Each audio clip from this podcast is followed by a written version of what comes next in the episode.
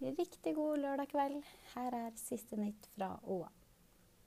Ei uke etter 14.-plassen i EM i terrengsykling maraton viste Elisabeth Sveum at formen fortsatt holder. Sveum rykka rundt halvveis, fikk ei luke på klubbvenninna Stine Hasund Eid og vant eliteklassen for kvinner i Valdresrittet. Les mer om rittet på oa.no.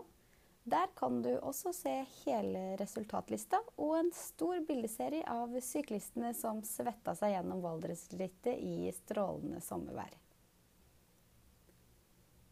Du har kanskje sett henne på Barnas dager i løpet av sommeren, eller på Gjøvikmarken.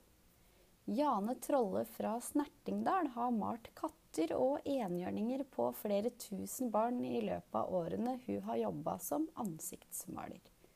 Nå feirer hun tiårsjubileum. Les mer om Jane Trolle på oa.no.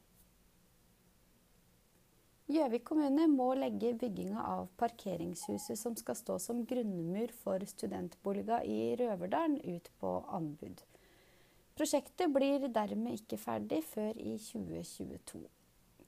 Studentboliga skulle egentlig åpne til skolestart i år.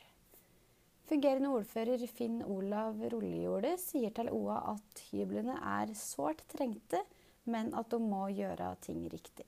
Saken blir tatt opp i kommunestyret til høsten. På vår nettside kan du også lese om et svindelbrev fra noen som utgir seg for å være Rema 1000.